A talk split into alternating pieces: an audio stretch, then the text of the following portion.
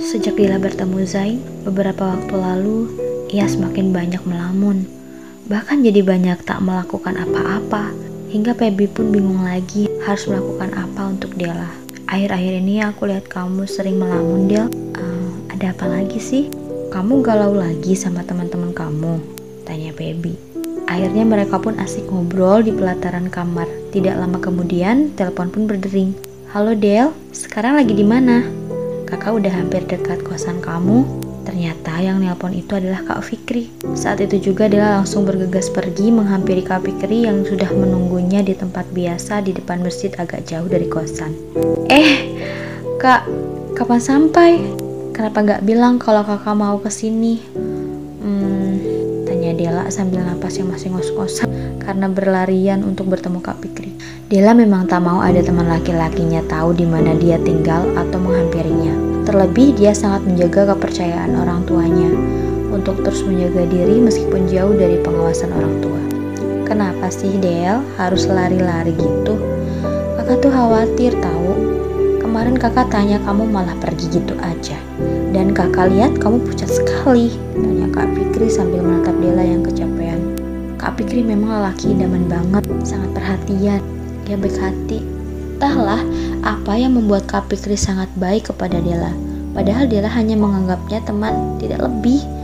Kak Fikri memang sering mengunjungi Dela, namun namun mereka biasanya berjumpa jauh dari tempat tinggal Dela. Mereka sering ngobrol dan belajar bersama. Singkat cerita, pertemuan mereka memang tidak disangka-sangka.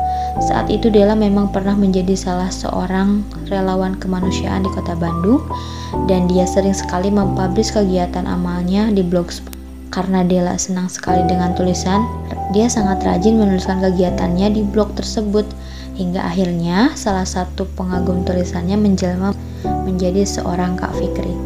Lelaki yang jauh lebih tua umurnya dibanding Dela. Perhatian, ramah, dan sangat sayang sama Dela. Dila pikir Kak Fikri menganggapnya hanya sebatas adiknya saja. Kak Fikri memang pernah cerita dia punya adik perempuan. Semenjak kedua orang tuanya meninggal, dia tinggal bersama paman dan adiknya. Bahkan sampai besar Kak Fikri benar-benar mandiri. Dia bisa menjadi ayah dan ibu buat adiknya. Bahkan sampai menyelesaikan studinya sampai sarjana. Kak Fikri memang orangnya bertanggung jawab dan berhati mulia. Sampai-sampai Dela sangat terkagum-kagum dan nyaman bisa kenal sama Kak Fikri. Namun, semenjak adiknya memutuskan untuk menikah dan menjalani hidupnya bersama suaminya, Kak Fikri pun tinggal sendirian. Ia tak pernah lagi bertemu adiknya, sesering dulu. Mungkin yang dia lakukan kepada Dela tidak lebih dari itu. Sayangnya seperti adiknya sendiri, Dela memang beranggapan seperti itu sampai saat ini. Del, kamu tahu nggak hari ini kakak dapat proyek lagi? Survei di ITB diperpanjang dan kakak akan banyak kebanjiran job, ujar Kak Pikri sambil tersenyum dan menatap mata Dela. Kak Pikri sangat berharap Dela menjadi salah satu wanita dalam hidupnya selain ibu dan adiknya. Kak Pikri benar-benar tulus kasih sayangnya sama Dela. Saking baiknya, Kak Pikri benar-benar tak berani menyentuh tangan Dela ataupun hal lainnya. Kak Pikri memang laki-laki yang agamis, taat kepada Tuhannya. Dela pun tak tahu apa yang Kak Pikri lakukan padanya sangat berlebihan sekali. Bahkan Dela tak pernah meminta Kak Pikri untuk menjaga bahkan memperdulikan dia atau memperhatikannya. Aku senang banget mendengarnya. Kakak senang, aku juga senang lah. Jawab Dela sambil membalas senyum dengan penuh semangat. Malam itu mereka memang sedang pergi ke suatu tempat yang jauh dari kota tempat makan dengan pemandangan yang bisa melihat kota Bandung, tepat di daerah Punclut di atas bukit kota Bandung. Dengan suasana yang sejuk, Dela dan Kak Fikri hanyut dalam berbagai cerita, sampai mereka lupa kalau malam sudah begitu larut.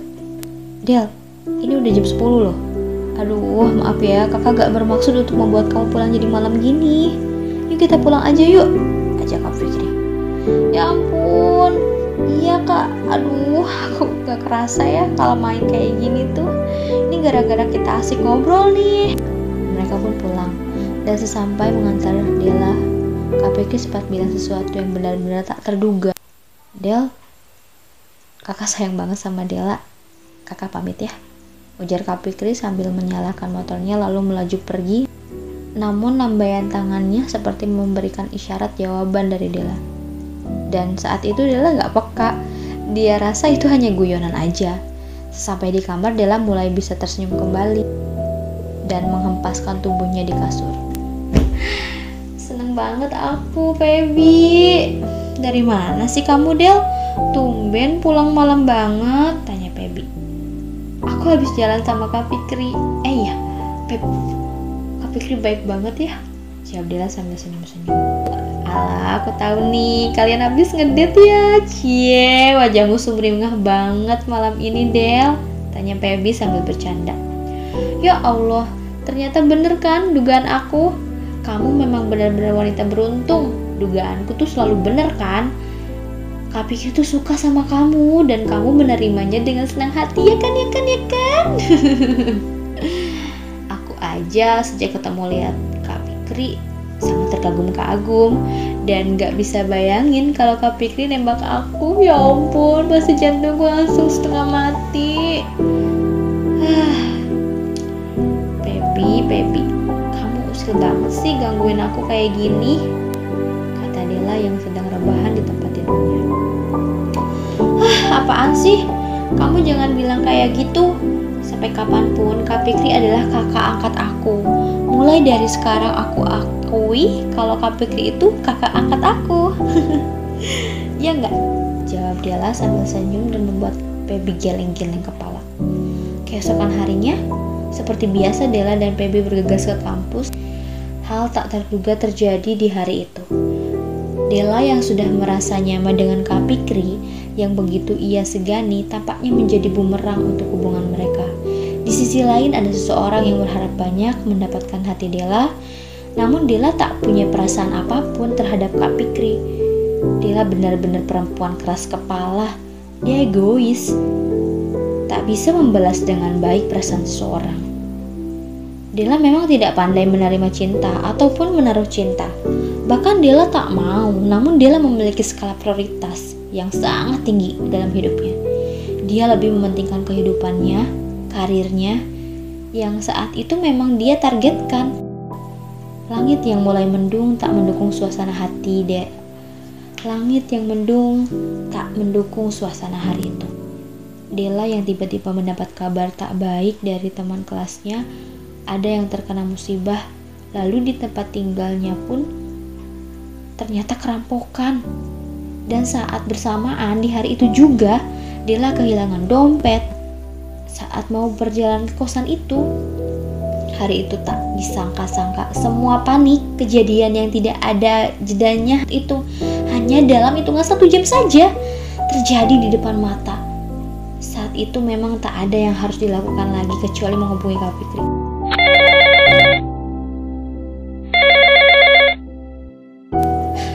Halo? Del? Ada apa?